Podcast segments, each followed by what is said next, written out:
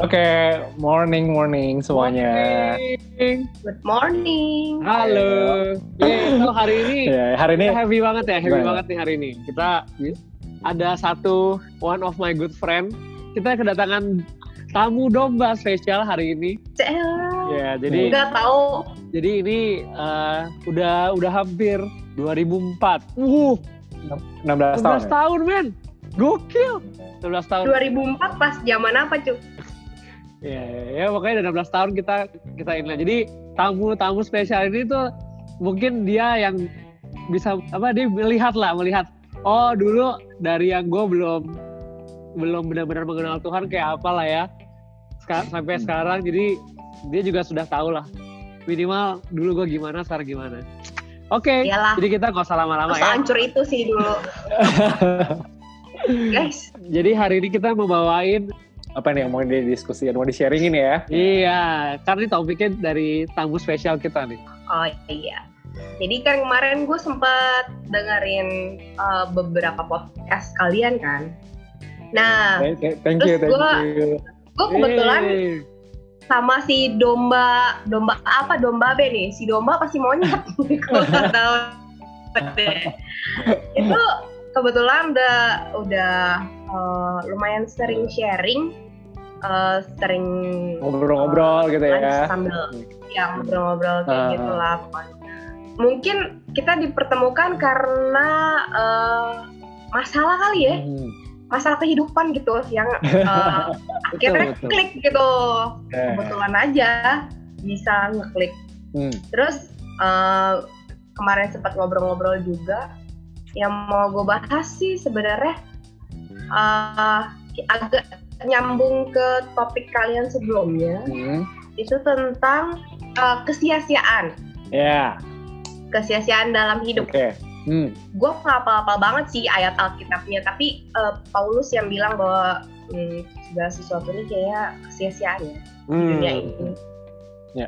Dan banyak banget uh, orang-orang yang uh, gue pun sebelumnya seperti itu juga kayak mengejar uh, sesuatu yang sia-sia. Ap- kenapa lu bisa maksudnya kenapa lu bisa bisa bilang bahwa dulu tuh lu mengejar sesuatu yang sia-sia gitu loh mas gue kok lu bisa sih berpikir ke arah situ gitu Uh, karena to be honest, gue uh, beberapa tahun ini Tuhan kayak memproses gue ya dengan cara uh, menggerus gitu.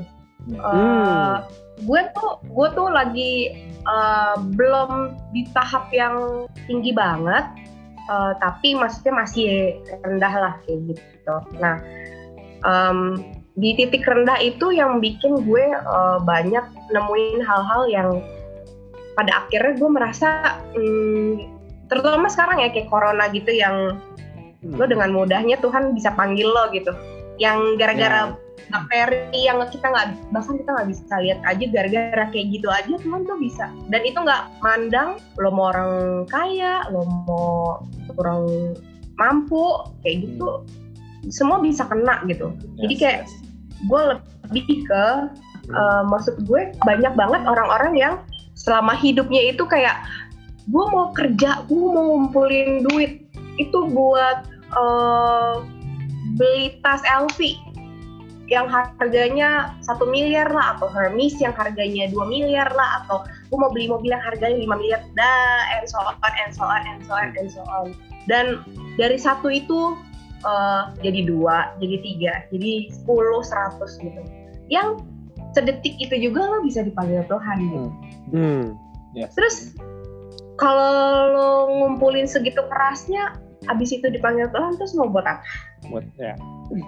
Ya? So, jadi ya betul itu berarti apa ya mungkin lu jadi perenungan buat lu juga ya Ci ya. jadi kayak iya mungkin Jadi yang lo kejar tuh kayaknya Hmm. amount-nya ya, bukan nilai gitu. Orang-orang tuh banyak yang kayak gitu gitu, bukan bukan nilainya yang lo cari, tapi Hmm. kayak amount-nya, jumlahnya yang gede.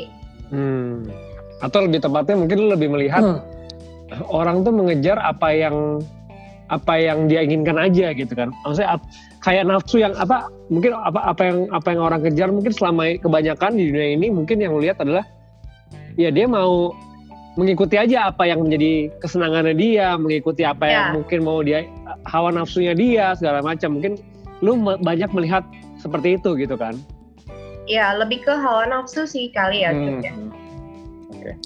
Kalau dari dari lu sendiri pengalaman apa yang membuat lu kayak sekarang ini tersadar maksudnya kayak oh apa yang lu ngerasa yang lu lakukan sekarang ini tuh kok kayaknya sia-sia gitu. Apakah mungkin dari eh, apa ya mungkin dari pemikiran lu atau mungkin dari habit lu setiap hari gitu.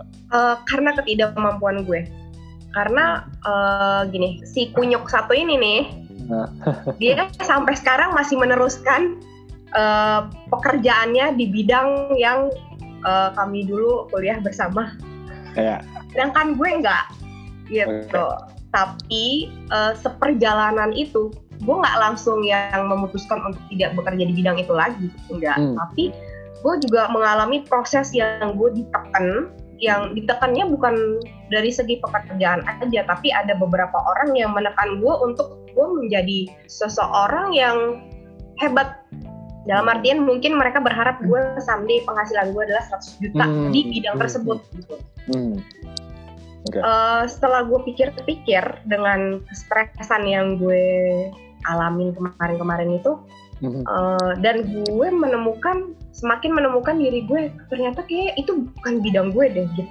Ya orang masing-masing diciptakan Tuhan punya talenta masing-masing ya bidangnya Ya. masing-masing. betul. Setelah gue pikir-pikir justru bidang yang gue sangat senengin ini itu berbeda jauh dengan bidang-bidang lainnya yang mungkin oke-oke seperti Hmm. mungkin uh, akuntan atau dokter atau apa pun itulah ya itu beda jauh banget. Hmm. Nah justru mungkin bidang gue ini kayak nggak dipandang sama orang-orang, Hmm. tapi sebenarnya uh, kita tuh nggak bisa hidup tanpa bidang ini juga gitu. Hmm. Uh, dan pertama kali Tuhan menciptakan itu ya bidang ini juga gitu. Hmm, hmm, hmm. maksud gue em, di situ gue menemukan value-nya justru Hmm. bukan bukan sekedar jumlahnya jadi gue Ya. menemukan benar-benar uh, value-nya dan gue merasa uh, proses bagaimana Tuhan bekerja ya. Apakah pada saat lo menjalankan itu tuh lo jadi lebih baik lagi in person ya, secara secara diri lo pribadi gitu ya? Kan pasti kan eh, itu pasti akan ada ada impact-nya nih pada saat lo udah menjalankan yang sebelumnya bidang yang mungkin lo nggak suka, terus pada saat lo menjalankan bidang yang lo suka ini ada perubahan juga dalam diri lo ya. Jadi personality lo, karakter lo, mungkin ada sesuatu yang dulunya buruk jadi lebih baik. Eh, gue bis- lebih bisa uh, menghargai proses. Hmm.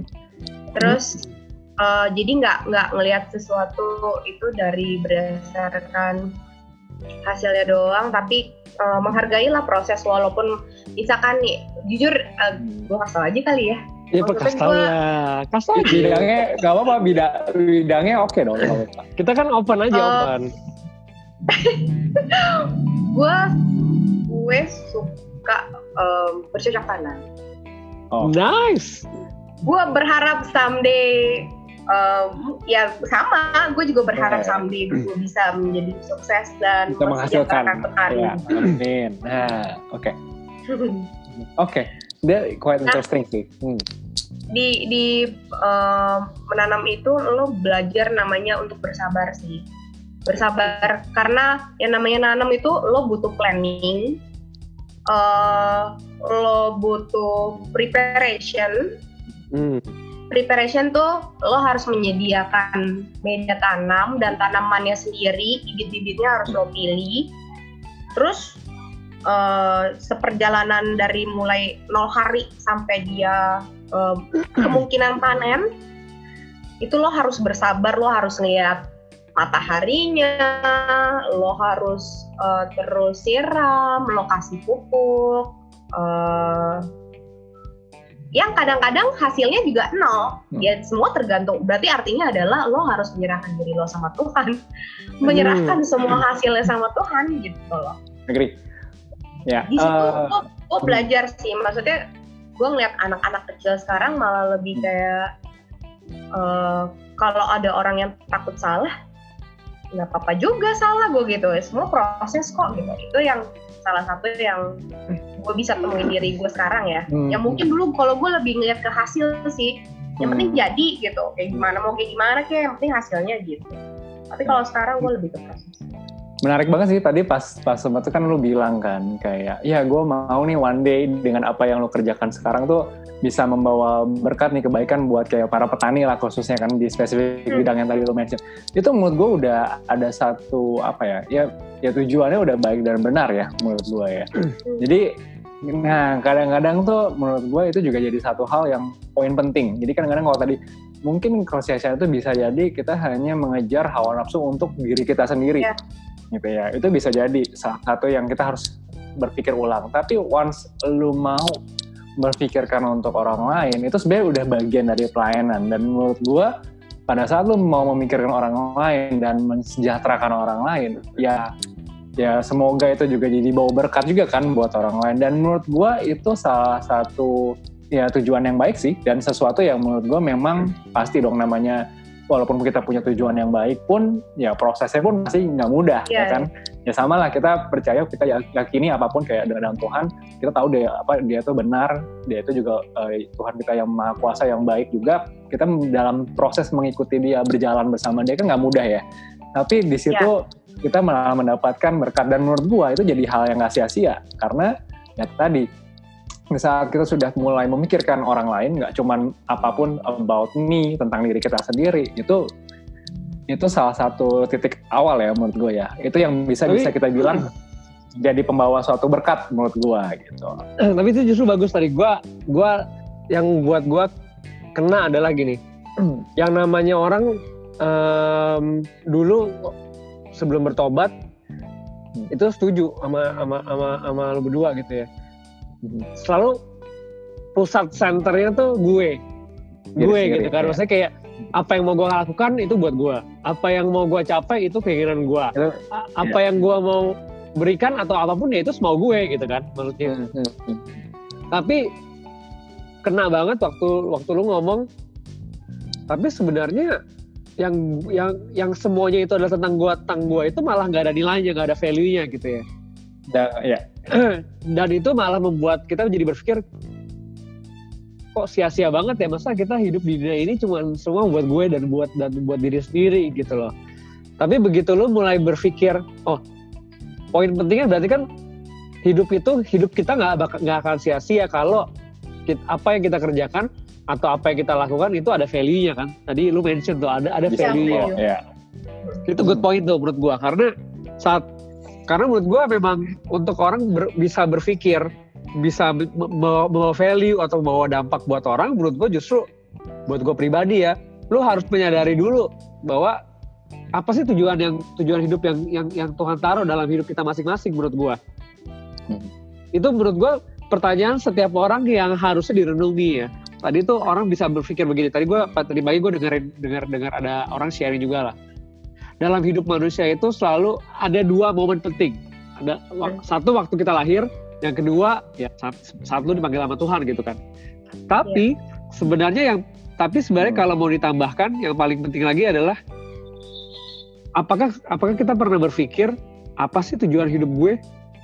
Kenapa sih gue tuh diciptakan sama Tuhan di dunia ini gitu kan?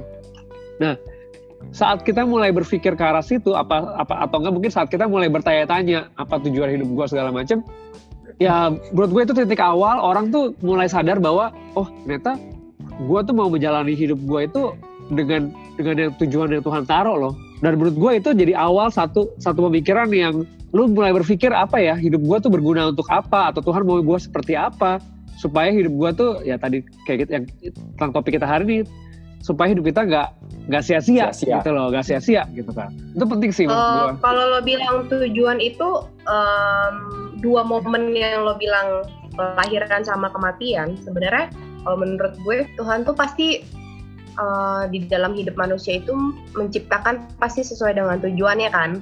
Yes. Berhubungan dengan kematian pas menurut gue ya pasti nanti kita saat eh, dipanggil sama Tuhan memberikan pertanggungjawaban Iya, bener banget. Kita gitu loh. Bener Iya, banget, iya, bener betul. banget. Justru itu, setuju. Ya, jadi memang kalau kalau dari gue lihat juga sih ya, misalnya gini, mungkin tadi juga pas kita sempat dibahas juga kan kayak tadi eh, pas lu bilang bercocok tanam itu semua tuh ujung-ujungnya kan kita serahkan. Memang benar kan? Itu mungkin sama seperti yang eh, kita lakukan dalam kehidupan ini gitu. Jadi di saat tadi eh, lu kan sempat bilang, oh ya ini gue memilih bibitnya, mungkin gue sudah merawatnya dengan hati, udah berusaha menyiraminya. Intinya apa pun yang bisa kita kerjakan, kita sudah berikan yang terbaik sisanya diserahkan Tuhan dalam bentuk apa ya? Kalau misalnya dalam bentuk tanam kan jelas sih siapa yang menurunkan hujan, ya kan? Siapa yang bisa menurun, yang bisa menghadirkan ada matahari. Padahal kan sebenarnya kita tanpa kita sadarin tanpa dua itu aja tuh udah nggak bisa apa-apa, ya nggak? Iya, iya. Misalnya kita udah mempersiapkan segalanya dengan baik, tapi kalau nggak ada matahari, nggak ada hujan, ya itu juga nggak ada hasilnya gitu. Iya. Nah mungkin sama kayak dalam hidup kita ya, gue juga melihat gitu. Ya kita mungkin apa yang Tuhan sudah berikan kepada kita, sudah kasih juga talenta, berkat, rahmat. Ya kita yang bisa kita lakukan ya hanya melakukan yang terbaik buat siapa ya. Memang pasti buat Tuhan dan sesama itu kan kayak nggak bisa dipisahkan. Sisanya ya serahkan sama Tuhan Iya. gitu ya. Jadi menurut gue gua dan gue percaya sih gue percaya setiap orang tuh sebenarnya sudah ditaruh tuh eh, rencana-rencana dalam hidup kita gitu ya. Tuhan sudah tahu dari kita lahir sampai meninggal. Jadi beda dong. Makanya pasti panggilan kita beda-beda nih. Kayak kita bertiga aja kan beda-beda. Kok bisa ya kayak domba ketiga nih yang eh, istilahnya punya panggilan untuk eh, tadi ya oh, gue mau lebih suka bercocok tanam untuk membawa kebaikan mungkin buat para petani gitu. Pasti itu berbeda panggilannya sama gue sama domba yang satu lagi gitu ya bapak yang satu ini gitu kan. Nah jadi menurut gue dan gue percaya gue percaya banget kalau itu bukan dalam rencananya pasti nggak akan ditaruh nggak akan ditaruh dalam hati kita ya dalam pergumulan gitu ya. Berarti Hmm. kalau memang itu ada ya memang kita harus bertanya lagi kita harus mungkin bawa dalam doa. Tapi buat gue itu merupakan satu hal yang unik gitu ya. Misalnya manusia tuh kelihatannya sama tapi tuh juga punya keunikan. Jadi ya memang benar Tuhan punya rencana masing-masing dan percaya atau enggak itu memang terjadi. Jadi kayak tadi lu bilang lu bisa punya panggilan kayak begitu ya menurut gua bisa jadi ya. Dan apalagi itu membuat lu menjadi orang lebih baik lu bisa memikirkan juga untuk orang lain untuk kebaikan. Berarti kan intinya sama. Menurut gua kayak tadi kalau dibahas apa sih yang menurut kita sia-sia gitu? Kalau menurut gue baik lagi kayak tadi gue juga sempet ngobrol juga gitu kan menurut gue apa yang kita lakukan nggak sia-sia adalah kalau kita juga bisa menjadi berkat buat orang lain. Ya. Kalau kita juga bisa menjadi pembawa kebaikan untuk orang lain, yang ujung-ujungnya sama untuk memuliakan Tuhan. Jadi selama kita ditempatkan di mana pun, dengan bidang apa pun, dengan problem apa pun, selama kita bisa membawa berkat untuk orang lain, menurut gue sih kita nggak itu nggak sia-sia ya. Ya menurut gue sih begitu. dan dan mungkin berkatnya itu adalah yang paling utama ya maksudnya tadi mungkin kita udah sempat sempat ngobrol sedikit juga. Tuju, kalau menurut gue buat gue pribadi tujuan hidup kita apalagi kalau kita bilang bahwa memang kita adalah anak-anak Tuhan gitu ya. Tujuan hidup kita yang menurut gue yang paling utama adalah ya kita bisa membawa orang. Tapi membawanya itu bukan berarti lu memaksakan orang untuk untuk mengenal Tuhan ya. Tapi minimal orang bisa melihat atau bisa mengenal kita sebagai anak Tuhan itu oh ternyata nih orang-orang yang hidup yang tunduk dan taat sama Tuhan yang lagi diproses sama Tuhan dan segala macam oh itu ternyata buahnya baik loh. Atau enggak kita jadi bisa oh ini good, eh, ini bisa jadi good role model juga loh. Maksudnya bu- buat gue pribadi sih itu ya. Maksudnya buat gue apa pun yang kita lakukan apa pun yang kita kerjakan minimal kita bisa jadi contoh lah gitu. Maksudnya dalam jadi contoh dalam arti kata kita bisa men-sharingkan mungkin kesaksian kita tentang perjalanan hidup kita sama Tuhan seperti apa. Atau mungkin yang saat ini kita sedang kerjakan juga gitu ya. Maksudnya kita kan juga berharap apa pun yang kita lakukan atau kerjakan ya orang tahu oh iya ya. Kita tuh yang paling penting adalah hidup kita tuh berjalan bersama Tuhan. Karena di luar Tuhan atau kalau kita jauh dari sama Tuhan kita tuh nothing. Kita tuh nggak ada apa-apanya gitu loh nah itu yang maksud gue buat gue pribadi tujuan hidup kita sih harusnya mengarah ke sana ya menurut gue walaupun ya ini gue ya, bicara real-real aja Ya, ya, di ya. dalam ngejalanin hidup itu nggak segampang Nggak itu mudah, juga ya mudah. maksudnya yes yes, Uh, yes. uh, pasti maksudnya ada aja orang-orang yang mungkin nyepelein kita yang uh, apa sih nggak mandang Hmm. ataupun dengan ada juga mungkin orang yang mau curang nama kita juga ada juga Pasti, gitu. yes. misalkan contoh nih misalkan uh, orang melihat mungkin someday gue menjadi uh, petani yang atau memiliki perusahaan bertani yang hebat lah gitu. Ada aja mungkin orang yang uh, sirik sama gue jadi ngejatuhin gue tuh bisa Hmm. kan. Ya, di dalam perjalanannya pasti ada juga yang hal-hal kayak gitu gitu. Pasti, pasti. yang kita sebagai manusia menurut gue terkadang kalau nggak uh, terus recall sama Tuhan gitu ya mengingat ingat ingat ingat ingat terus Ya. gitu itu bisa aja kita kayak uh, kecewa juga kan maksudnya ya ampun masa sih gue udah selama ini sebaik ini Ya. ngelakuin ini ngelakuin itu kok kok kayak gini sih hasilnya gitu kok ada orang yang ngejahatin sih ya, itu mungkin banget ada Pasti, di dalam itu pasti. kan itu Iya. itu nah itu gue jadi ingat yang kayak tadi juga sama kan kayak di Bible kan juga ada gitu ya kayak mau baik itu ya, kayak tadi ya tempaannya macam-macam tapi memang yang Tuhan janjikan itu kan bukan di- bukan nggak akan ditem- diterpa ombak tapi kan yang Iya. Tuhan bilang ya selama kita punya fondasi yang kuat kita berusaha melekat sama Tuhan ya kita percaya istilahnya fondasi kita tuh aman gitu. Jadi memang benar sih nggak, Tuhan nggak menjanjikan kita ikut Tuhan apa nggak bilang kalau kita ikut sama Tuhan tuh selalu bisa melihat map pelangi terus nggak pernah merasakan yang eh, yang enak itu enggak. Memang benar. Jadi kayaknya gue mikir ya yang penting fondasi kita udah benar jangan sampai ya basicnya kita udah benar kan harus Iya. kan ya kan Betul. jadi lo melakukan betul. Jadi lo udah tahu nih tujuannya tuh sebenarnya apa gitu apa ya emang, emang gue ngejar keuntungan atau memang buat Tuhan Iya. karena pasti Nah. beda sih menurut gue Setuju. beda beda, beda Setuju. beda karena Setuju. betul betul beda kan ya kan kita kan percaya ya maksudnya kita kan percaya kehidupan kita kan nggak cuma di sini kan Iya. gitu ya ini emang jadi jadi agak berat ya tapi maksudnya kan sebenarnya tujuan kita kan endingnya adalah keselamatan kekal kehidupan kekal gitu ya dan memang nggak mudah. Ini gue juga pernah sharing juga kayak pernah ngobrol juga gitu. Jadi kayak yang paling berat adalah kita yang memang percaya sama Tuhan yang berusaha menjalani firman. Kenapa? Karena di, di dalam kita kalau kita mau gampang ke bawah arus dunia dunia ya gampang sekali ya. Seperti pas seperti kita dirikan rumah atas pasir ya untuk menjadi mau jadi sukses dengan cara yang dunia ya gampang mungkin. Tapi kan di sini kita udah karena kita juga percaya eh, punya fondasi yang kuat juga bersama Tuhan ya memang inilah tantangannya kita gimana kita bisa melawan tanda kutip ya melawan kayak dunia-dunia yang duniawi. Inilah hal-hal duniawi yang kita berusaha melawan kedagingan kita juga melawan lingkungan kita juga yang mungkin gak enak. Tapi ya di situlah yang kayak Paulus juga bilang ya harus selalu bersyukur. Gitu ya. Selalu, selalu bersyukur selalu percaya ya Tuhan tuh selalu menjaga kita Tuhan tuh selalu melindungi kita. Dan memang benar kan? Eh, kayak gue juga tadi sempat share juga kayak gue inget kayak sih. Kan padahal kalau dipikir sebenarnya Tesalonika tuh bukan umat yang paling benar-benar dalam arti kata yang paling baik loh. Enggak mereka juga berkeras hati mereka juga sering berdebat sering berdiskusi. Pokoknya intinya tuh kayak mungkin agak susah diatur lah gitu loh. Nah tapi kok lucu di situ malah Paulus bilang dia dalam tuh dalam uh, Bible dia bilang ya aku aku bersyukur karena umat Tesalonika ya artinya apa? Kita harus selalu bisa melihat ya mungkin apa pun yang Tuhan pakai kita ditem, kita ditempatkan di mana pun kita berada kita tuh lagi diproses gitu. Kita tuh lagi dibentuk sama Tuhan. Jadi pastilah situasinya ada yang enak ada yang enak. Tapi yang menarik dari Paulus ya dia bisa malah bisa selalu bersyukur ya. Mau dia ditempatkan dalam tempat yang enak maupun yang nggak enak Ya. sekalipun. Nah itu yang mungkin uh, analogi yang tadi ya kayak berusaha mendirikan rumah di atas batu karang gitu. kalau itu gue Hmm. relate ke di pertanian tuh bahasnya uh, planning and preparation Hmm, hmm. setelah gue uh, belajar dari banyak kesalahan Hmm.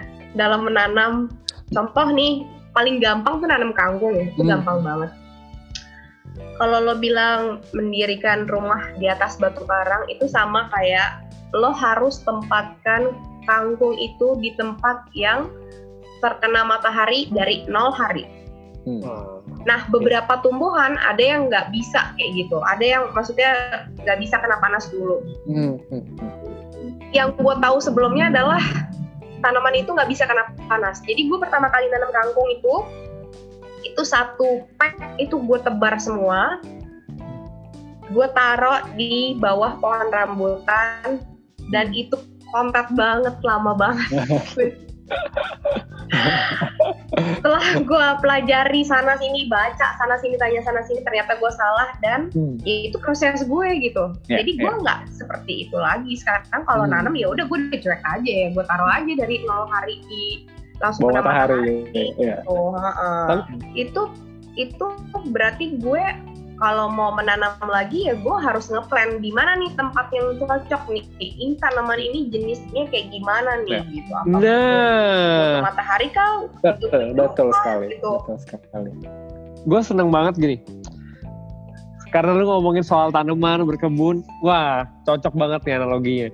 Lu tahu, maksudnya ya lu pasti tahu lah ya proses yang namanya kan kalau di Bible kita bilang kita bisa melihat bahwa Tuhan tuh selalu ngomong soal buah, benar gak? Ranting-ranting pohon yang melekat kepada Tuhan itu adalah ranting-ranting pohon yang berbuah. Tapi kalau yang tidak memang termasuk apa karena Tuhan itu sebagai pohon yang Pokoknya. uh, poh- pohon-pokoknya saat lu tidak melekat kepada pokok pohon tersebut lu nggak akan berbuah gitu kan nah artinya gue bisa analogi gini coba bayangin kita jadi si si biji kita jadi si biji ya dan? Dan dan kita balik nih po- po- pola pandang kita. Kita jadi si pohonnya kita jadi si biji dan Tuhan itu adalah sebagai si penanamnya. Karena kan Tuhan yang menciptakan kita ya. Berarti kan kita adalah pohonnya gitu ya bijinya. Nah, biji untuk bisa sampai jadi berbuah itu kan punya siklusnya kan? Bener gak Iya. punya siklus. Hmm, ya. satu dia harus berakar. Berakarnya ke mana dulu berakar ke bawah bukan ke tanah bukan. Ya. Saat kita menjadi si biji dan akhirnya bisa keluar eh, keluar sebagai akar itu kan menurut gue lu harus pecah dari dalam nggak? Iya ya harus pecah memecah. Betul lu harus lu harus pecah dari dalam supaya akar lu kuat. Ya nah apakah saat itu kita bisa melihat nggak di luar?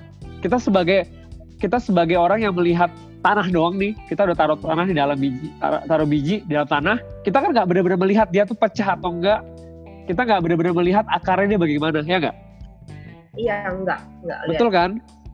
Tapi tapi Ya. kita sebagai si biji itu menurut gua sih bakal sakit ya. Kalau si biji itu punya rasa sakit, itu gua rasa bakal sakit banget. Kenapa? Karena dia harus kayak dipecahkan dari dalam supaya akarnya keluar untuk menembus tanah. Bener nggak? Menurut gua ikut Tuhan iya, itu, betul, menurut gua mungkin kenapa Tuhan itu mau kita berbuah? Satu, ya kita harus punya akar yang kuat dulu nih untuk benar-benar bisa berbuah. Karena kalau lu nggak punya akar yang bagus ya lu pasti kena angin dikit langsung bang atau tumbang atau kena angin dikit langsung goyang atau atau roboh gitu kan. Itu satu. Yang kedua menurut gua bertumbuh. Bertumbuh itu proses ya. Maksud gua apa yang kita jalanin sehari-hari nih hidup kita ya kayak lu lah. Dulu kita begini terus kita sempet jatuh.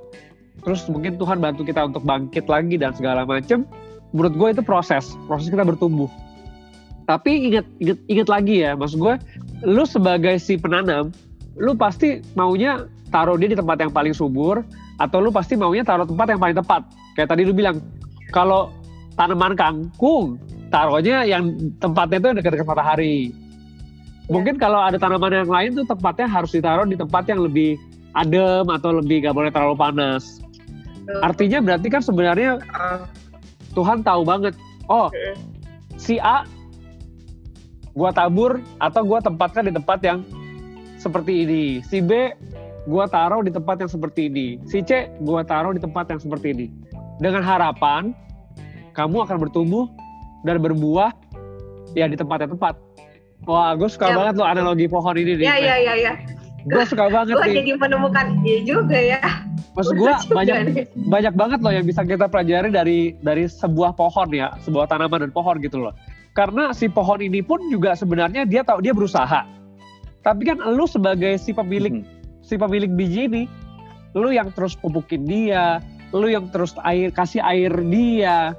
Bahkan lu tahu, oh pohon ini kayaknya kurang kurang air nih, gua- lu kasih air. Tapi mungkin ada saatnya, eh jangan terlalu kebanyakan air, nanti dia malah mati. I mean, ya bu lu lu tahu banget. Nah, Hmm. I mean lu sebagai si pemilik biji ini aja lu tahu kapan harus dikasih air, kapan enggak.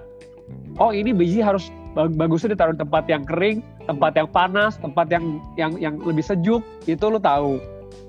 Terus mungkin ada saatnya juga, oh kadang ada pohon kan yang rantingnya itu lu harus potong-potong dulu supaya dia berbuahnya atau bertumbuhnya lebih lebih, lebih ya, lebat. Tapi kadang ada, ya, wow, maksud gue, menurut gue Tuhan tuh seperti itu dalam hidup kita ya. Maksudnya hmm. dia tahu banget bagaimana caranya masing-masing dari kita ini berbuah tapi dengan cara yang masing-masing karena kita pun juga biji yang berbeda menurut gua kita tuh buah yang berbeda tapi kita kita di kita diurus atau kita di di apa ya kita disayang oleh satu which is ya Tuhan kita sendiri gitu loh. Karena dialah yang memberikan uh, dia yang yang apa ya dia yang pemilik lah pemilik dari setiap biji-biji ini gitu loh. wah gue dapat satu Bahkan insight di, itu sih. bahkan di pruning aja sakit ya. Dipotong nah, gitu kan sih. daun-daunnya pun sakit ya. Maksud gua tempat ya. Saya gua, juga perlu ditempa gue seneng banget karena cocok banget sih dengan analogi hari ini ya karena banyak banget sih yang bisa kita pelajari dari analogi pohon dan tanaman. Kalau gitu kalian abis ini belajar bercocok tanam.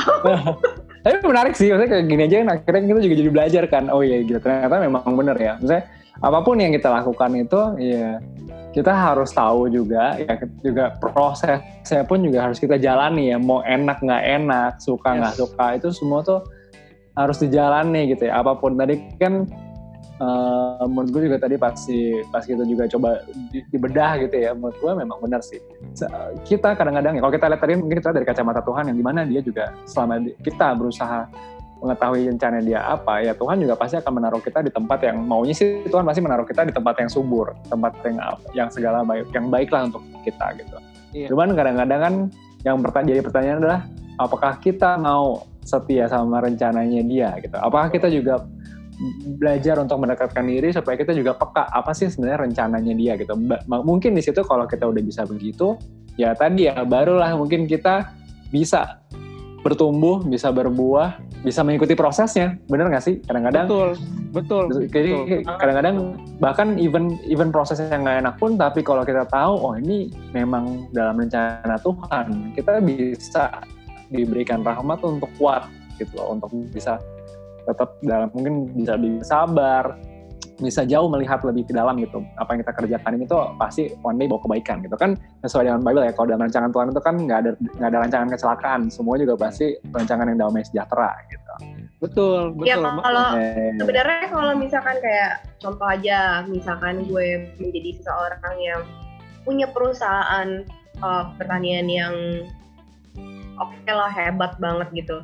Katakan misalnya gue punya uh, total aset satu triliun yaitu bentuknya apalah segala macam ya duit dan segala macam uh, yang sebenarnya gue bisa lebih dari itu let's say sampai misalkan gue bisa banget gara kalau gue nggak melakukan berhal namanya berbagi mungkin gue bisa dapat 5, 5 triliun misalkan tapi karena gue harus mensejahterakan para petani yang bekerja sama gue gue harus ngurusin soal kesehatannya, keluarganya, harus dapetin pendidikan yang oke, tempat tinggal yang layak. Jadi gue hanya punya satu triliun gitu. Berkebalikan dengan menurut gue orang-orang yang hanya mengejar uh, jumlah yang banyak ya. Karena mereka pasti fokusnya, ah biarin aja, hmm, gue mau menguntungkan diri gue sendiri gitu. Gue mau punya harta sebanyak itu buat anak cucu gue keturunan 10 keturunan gak habis-habis gitu. Itu bisa aja kayak gitu kan bisa tapi ya makanya tadi gue bilang betul. saat saat lu sudah saat lu tahu bahwa ya udahlah hidup kita ini milik Tuhan hidup kita itu adalah untuk Tuhan ya lu nggak akan lagi berpikir untuk apa sih yang mau gue kejar secara pribadi gitu loh. Tapi apa sebenarnya apa sih yang bisa gue malah apa yang bisa gue lakukan gitu apa yang bisa gue kerjakan untuk ya untuk Tuhan gitu bis. Karena kembali lagi kan saat lu udah mulai sadar saat lu mulai sadar itu makanya lu lebih memikirkan value-nya tadi yang lu bilang yang kita ngobrol dari tadi kan. Kita lebih meng, kita lebih ya. fokus kepada value-nya daripada keinginan kita sendiri atau daripada kita memuaskan apa yang jadi maunya kita gitu loh. Itu menurut gue paling paling paling utama sih saat lu saat lu merasa lu punya punya sesuatu yang bisa lu berikan, ternyata itulah value kita diciptakan menurut gue. Iya, iya. Kalau conclusionnya ya kita back to Bible ya. Maksudnya uh, kita belajarlah dari uh, dari Salomo juga itu dari Mazmur. Kalau kita lihat bahwa tadi ya mungkin kita udah bilang, jikalau bukan Tuhan yang membangun rumah, sia-sialah usaha orang yang membangunnya. Jikalau bukan Tuhan yang mengawal kota, sia-sialah pengawal berjaga-jaga. Sia-sialah kamu bangun pagi-pagi dan duduk-duduk sampai jauh malam dan makan roti yang diperoleh dengan susah payah. Sebab ia memberikannya kepada yang dicintainya pada waktu tidur. Artinya apa? Kita harus sadar memang hidup kita ini ya semua itu milik Tuhan dan apa yang kita kerjakan itu buat Tuhan.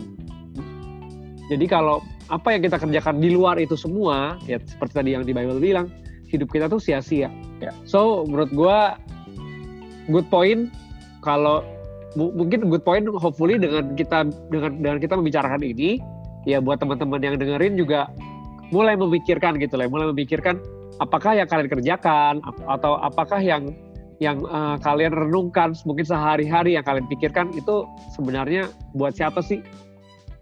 Apakah memang selama ini ya. kita kerjakan itu untuk diri kita sendiri, untuk masing-masing, atau kita mulai memikirkan, oh ya ya, tujuan hidup gua tuh diciptakan tuh ya untuk Tuhan dan dan dan dan memang untuk sesama juga dan untuk sama juga gitu loh bisa ya. mempunyai value juga yang tadi yang tadi juga dikatakan ya. gitu loh kalau nggak seperti itu ya, ya. hopefully ini ini merimain semua orang sih yang mendengarkan ya alright itu kayak poin penting okay. ya yang Betul. harus ada ya poin pentingnya ya itu gitu Alright. Oke okay, kalau gitu. Sip, thank you. Thank you nice semua. Thank you. See you. Have ya. a nice weekend. Yo, you ya. too. Bye bye. Dadah.